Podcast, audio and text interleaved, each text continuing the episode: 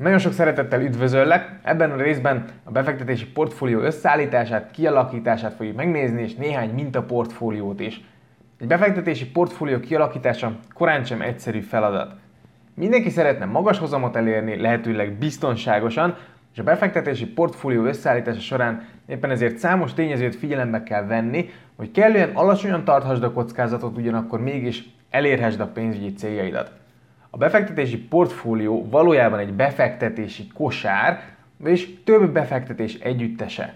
Egy befektető ugyanis jobban jár, ha nem teszi fel mindenét egyetlen eszközre, hanem diversifikál, vagyis megosztja a pénzét a különböző eszközök között.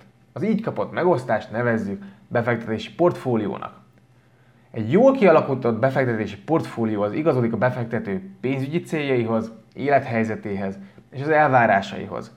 Éppen ezért nincsen olyan portfólió, ami mindenkinek a legjobb lenne. Az ehhez a hanganyaghoz tartozó cikkben találsz egy videót is, ahol megmutatom, hogy mi az a hat leggyakoribb hiba, amit el szoktak követni az emberek, amikor portfóliót alakítanak ki.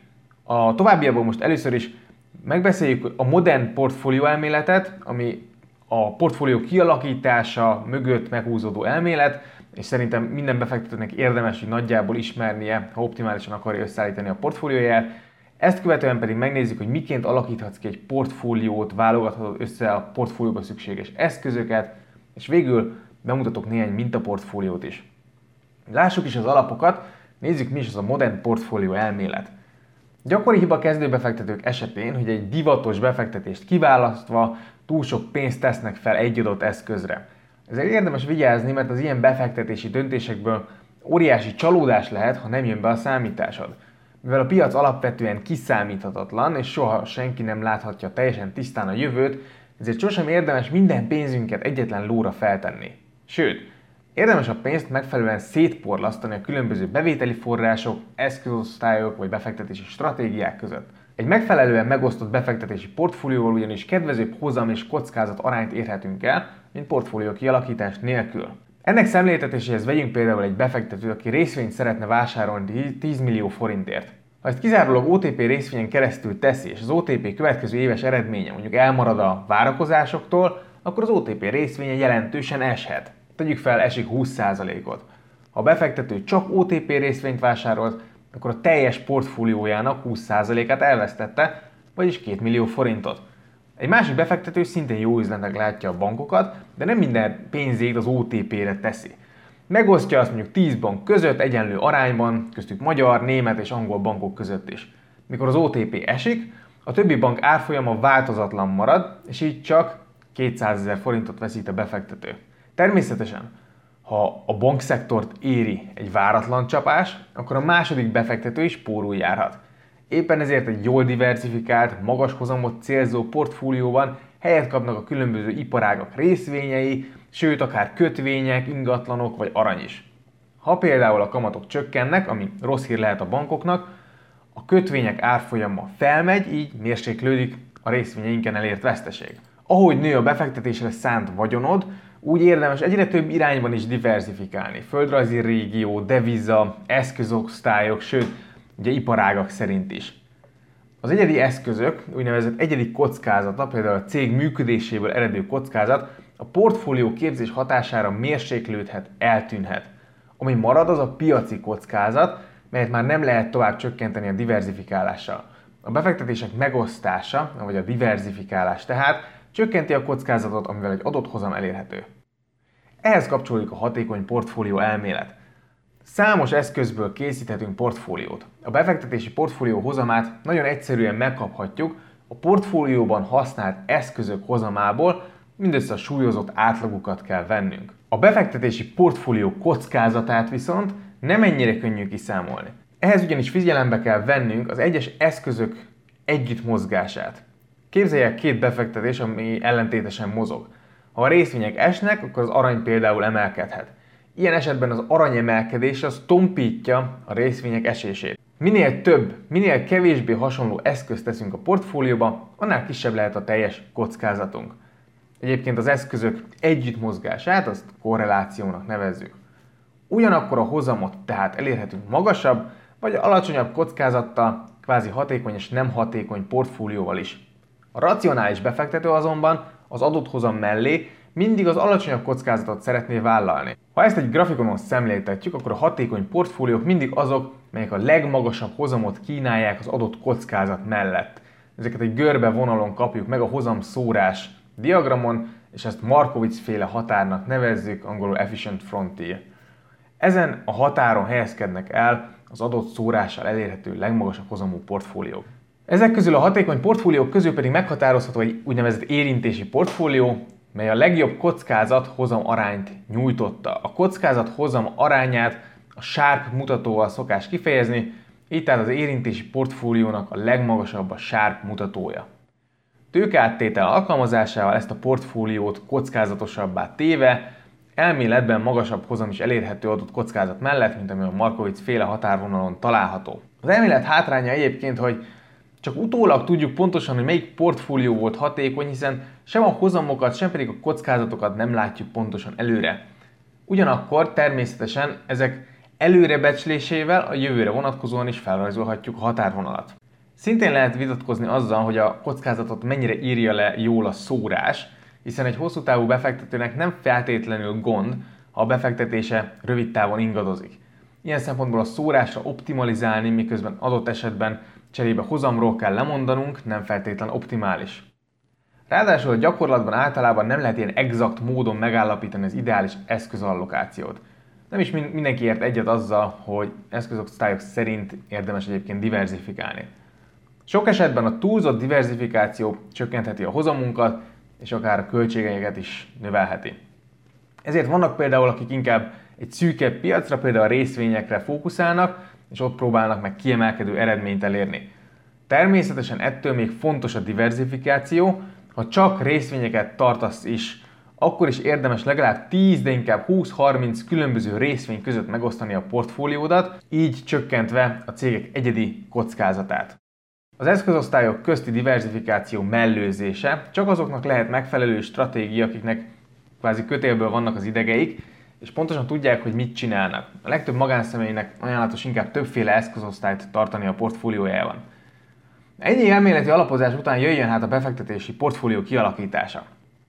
Amint említettem, mindenkinek más és más portfólió lesz ideális. A megfelelő portfólió kialakítása előtt tisztában kell lenned a saját helyzeteddel és elvárásaiddal. Nagyon fontos, hogy pontosan tudd, mi a célod a befektetéssel. Fontos például, hogy mekkora összegre van szükséged és milyen időtávon. Ha mérsékelt kockázatvállalás mellett is teljesíteni tudod a céljaidat, akkor alig ha van értelme a magas hozamokat kergetni és magas kockázatot vállalni. A hozam és a kockázat rendre kéz a kézben jár. Ha magas hozamot akarsz, akkor magas kockázatot kell vállalnod. Magas hozamú és kockázatú befektetések például a részvények, ingatlanok, az arany és az egyéb spekulációk. Közepes kockázatúak a vállalati kötvények, abszolút hozamú alapok, és alacsony kockázatúak például az állampapírok, bankbetétek.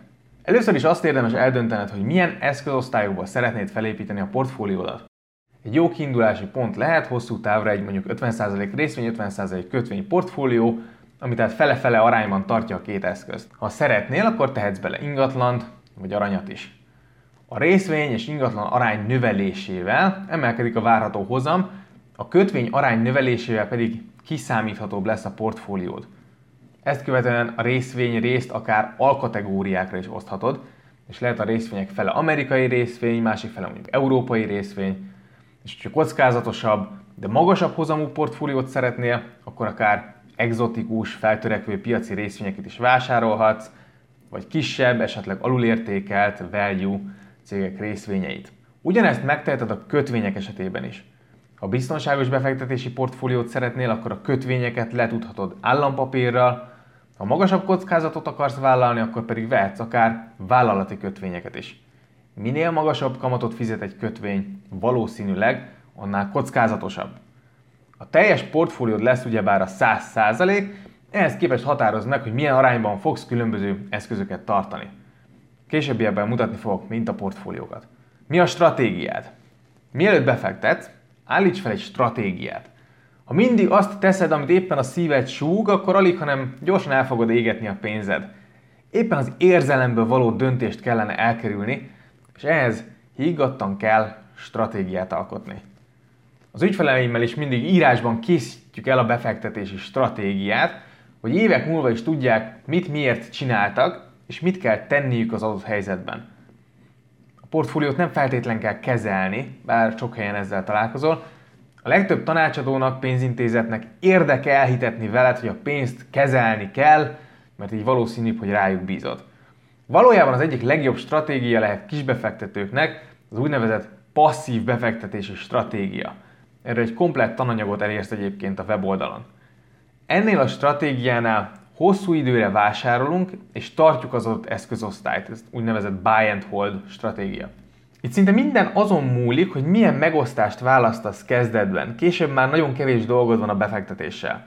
Esetleg évente visszaállítod az eredeti arányt, de az is lehet stratégia, hogy rá sem nézel a befektetéseidre. Fontos, hogy csak olyan dologba fektes, amit értesz. Éppen ezért egy egyszerű, de bizonyítottan működő stratégiával érdemes lehet kezdeni, és igény szerint haladni akár az összetettebb rendszerek felé. Ha elkészítetted a számodra megfelelő portfólió felosztást, akkor már csak az a kérdés, hogy miként fogod összeállítani a portfóliót. Vásárolhatsz már kész befektetési csomagokat, például befektetési alapokat, vagy elkezdhetsz magad vásárolni részvényeket, kötvényeket, bármilyen értékpapírt. Az előre összeállított befektetési csomagok előnye, hogy jóval kevesebb tranzakció is elég, hogy kialakíts egy kellően diversifikált portfóliót. Egyedi részvényekből vásárolni meglehetősen vakmerő, ha nincs még tapasztalatod a kockázatos befektetésekben. Egy részvény kiválasztása például szükségesé teheti a vállalat méreható elemzését, értékelését, és ez nem csak sok időt vesz igénybe, de drága is lehet, ami persze attól is függ, hogy milyen értékpapír számlád van. Egy részvény alap megvásárlásával azonnal megvehetsz akár több száz vagy több ezer részvényt is. Ugyanígy egy kötvény alap megvásárlásával is letudhatod a portfólió teljes kötvény részét, és így nem kell magadnak keresgélni a sok ezer féle kötvény között. Az eszközallokációt megszabhatod, ha specifikus alapokat vásárolsz, például olyan befektetési alapot, mely amerikai részvényekbe fektet, vagy éppen olyat, amely feltör, mondjuk feltörekvő piacokba. De a részvényportfólió felosztását teljesen rá is bízhatod egy alapkezelőre, ha egy általános részvényalapot veszel. Amire figyelni kell, hogy a befektetési alapok sokszor magas alapkezelési költségeket számolnak fel. Érdemes lehet inkább az alacsony költségű, passzív alapokat keresni, ha nem akarsz fizetni azért, hogy egy alapkezelő kezelje a pénzed. Milyen gyorsan alakítsd ki a portfóliót? A portfóliót kialakítása történhet azonnal, tehát egyszerre, vagy lépésekben is. Ha nagyobb összeggel szeretnél beszállni a piacba, és nem rendszeres megtakarításról van szó, akkor itt szeretnélek óvatosságra inteni. Ha rosszkor szállsz be, akkor hirtelen nagy veszteséged is keletkezhet. Ez ugyanúgy mindig benne van a pakliban, és nem gondolom, hogy az időzítéssel vagy a várakozással magasabb hozamot tudnál elérni, de a kockázatokat tudod csökkenteni. Ha van mondjuk 100 millió forintod, akkor elhatározhatod, hogy mondjuk három év alatt fogod a teljes összeget befektetni. A portfóliódat darabokban épített ki. Első évben befektetsz 30 millió forintot mondjuk állampapírba és európai részvényekbe. Ezt követően a következő évben még 30 milliót teszel be, ezt már az amerikai kötvényekbe és magyar részvényekbe. Végül pedig a maradék 40 milliót is beteszed amerikai részvényekbe és magyar kötvényekbe. Mielőtt tehát minden pénzed azonnal befekteted, tedd fel a kérdést magadnak, hogy miként érintene, ha hirtelen, nem tudom, 20-30-40 százalékot esnének mondjuk a részvények. Tudom, hogy sokan nem mernek maguk dönteni a befektetési portfóliójukról, és inkább bízzák a szakértőkre. Ez egyrésztről jó, mert kevésbé nyúlsz mellé, másrésztről viszont, mivel a te pénzedről van szó, lehet jobban megérni tanulnod róla. A következő portfóliókat, amiket be fogok mutatni, neves szakemberek állították össze, de semmilyen garancia nincs arra, hogy ezek jó fognak teljesíteni. Nézzünk néhány befektetési portfólió mintát, amit közgazdászok, befektetési szakemberek raktak össze. Ezek ilyen általános portfóliók, vagyis nem szabták őket személyre, éppen ezért nem valószínű, hogy ezek lesznek számodra az ideális portfólió, de kiindulásnak nagyon jó lehet. Az is jól látszik ezekből, hogy mennyire nincsen egyetértés a szakértők között sem, még csak eszközosztály szintjén sincsen teljes egyezés a portfóliók között. Az első mintaportfólió az Bill Schulteis nevéhez kötődik, és úgy, nevezett, úgy nevezte el, hogy kávéház portfólió. Bill Schulteis 1999-ben indította el ezt a portfólióját, amikor a Wall Street a tech és a dotcom cégeket preferálta, és kinevették a 40%-os kötvényarány miatt, mivel az túlságosan konzervatívnak tűnt abban az időben. Ugye mindenki a tech szektorral foglalkozott, és pár évvel később, mikor a dotcom lufi kipukkadt, akkor már senki nem nevetett, amikor a portfólió 15%-kal verte meg az S&P 500-at három éven keresztül. Ez egy tipikus 60-40 portfólió, tehát 60% részvény, 40% kötvény, tehát kihasználja ugye a részvények magasabb hozamát, ugyanakkor a kötvények segítségével kiegyensúlyozza azt eh, nehéz időkben. Alapvetően a teljes kötvénypiacot tartalmazza 40%-ban, és 10-10-10-10-10%-ban osztja meg a részvényeket, value, kis cégek, nagyvállalati részvények, kicsi value részvények, ingatlan befektetési társaságok és nemzetközi részvények között. A kialakítás egyébként közepesen egyszerű, tovább egyszerűsíthetjük, ha a részvényeket simán csak egy globális részvényalappal helyettesítjük, ami tartalmazni fog gyakorlatilag mindenféle részvényt. Fogunk egy globális részvényalapot 60%-ban, egy globális kötvényalapot 40%-ban, és ez sok, sok esetben egyébként ideális választás lehet. Egy ilyen portfólió 2008 és 2018 között 6,79%-ot hozott évente dollárban. A második mintaportfólió dr. William Bernstein nevéhez kötődik, és úgy nevezte, hogy eszetlen portfólió. Dr. William Bernstein számos befektetési könyv írója, mellette orvos, neurológus és magas körökben mozgó pénzügyi tanácsadó is. Alapvetően a passzív befektetéseket ajánlja a kisbefektetőknek, a portfóliója is meglehetősen egyszerű, négyféle eszközosztályból egyenlő arányban tart, tehát 25%-ot mindenből, európai részvényekből, kis cégek részvényeiből, nagyvállalati részvényekből és teljes kötvénypiacból. Ez a portfólió tehát 75%-ban tart részvényeket és 25%-ban kötvényeket. Mivel a részvények alapvetően kockázatosabb eszköznek minősülnek, ettől a portfóliótól magasabb hozamot várhatunk el, mint a 60-40-től, azonban a részvénypiaci esés közben többet is veszíthet az értékéből. Ez a portfólió 2008 és 2018 között 7,44 százalékot hozott dollárban évente. A harmadik mintaportfólió az Paul B. Farrell kisiskolások portfóliója. Paul B. Ferrerre azt kell tudni, hogy számos befektetési könyv szerzője, és sokáig publikált tudományos cikkeket a Wall Street Journal-ben. Jelenleg a Market Watch egyik szakértője, és az ő portfóliója viccesen azoknak a 8 éves gyerekeknek szól, akik a nagymamájuktól és édesapjuktól kapott zseppénzt szeretnék egy meglehetősen jó hozamú befektetési portfólióba befektetni. A szakértő ezzel arra kívánja felhívni a figyelmet, hogy a passzív befektetés elsajátításával, az alapok megértésével valójában egy kisgyermek is képes létrehozni és menedzselni egy kellően diversifikált portfóliót. A portfólió 60%-ban a teljes részvénypiacot tartja, 30%-ban nemzetközi részvényeket tart, tehát Amerikán kívüleső részvényeket, és 10%-ban pedig a teljes kötvénypiacot. Annak ellenére, hogy meglehetősen egyszerű portfólióról van szó, nem való ez a portfólió mindenkinek, meglehetősen magas ugyanis a részvényarány, ugye 90%, ami magas kockázatot és hozamot eredményezhet. Ha valóban egy 8 éves gyermekről van szó, vagy legalábbis fiatal emberről, akkor viszont érthető a magas kockázatvállalás, mondjuk 30-40 éves távon alig, ha nem a részvényekkel járunk a legjobban. Ez a portfólió 2008 és 2018 között 8,21%-ot hozott dollárban évente. A negyedik mintaportfólió a Yale Egyetem nem szokványos portfóliója, amit David Svensson közgazdász és író rakott össze. Ő a Yale Egyetem alapítványi vagyonának a menedzsere is. A Yale Egyetem az nem egy szegény egyetem, az alapban több mint 26 milliárd dollárt kezelnek. És Svensson nem csak egy kiváló elméleti szakember, de az által elért hozamokat a Wall Street is megirigyelte.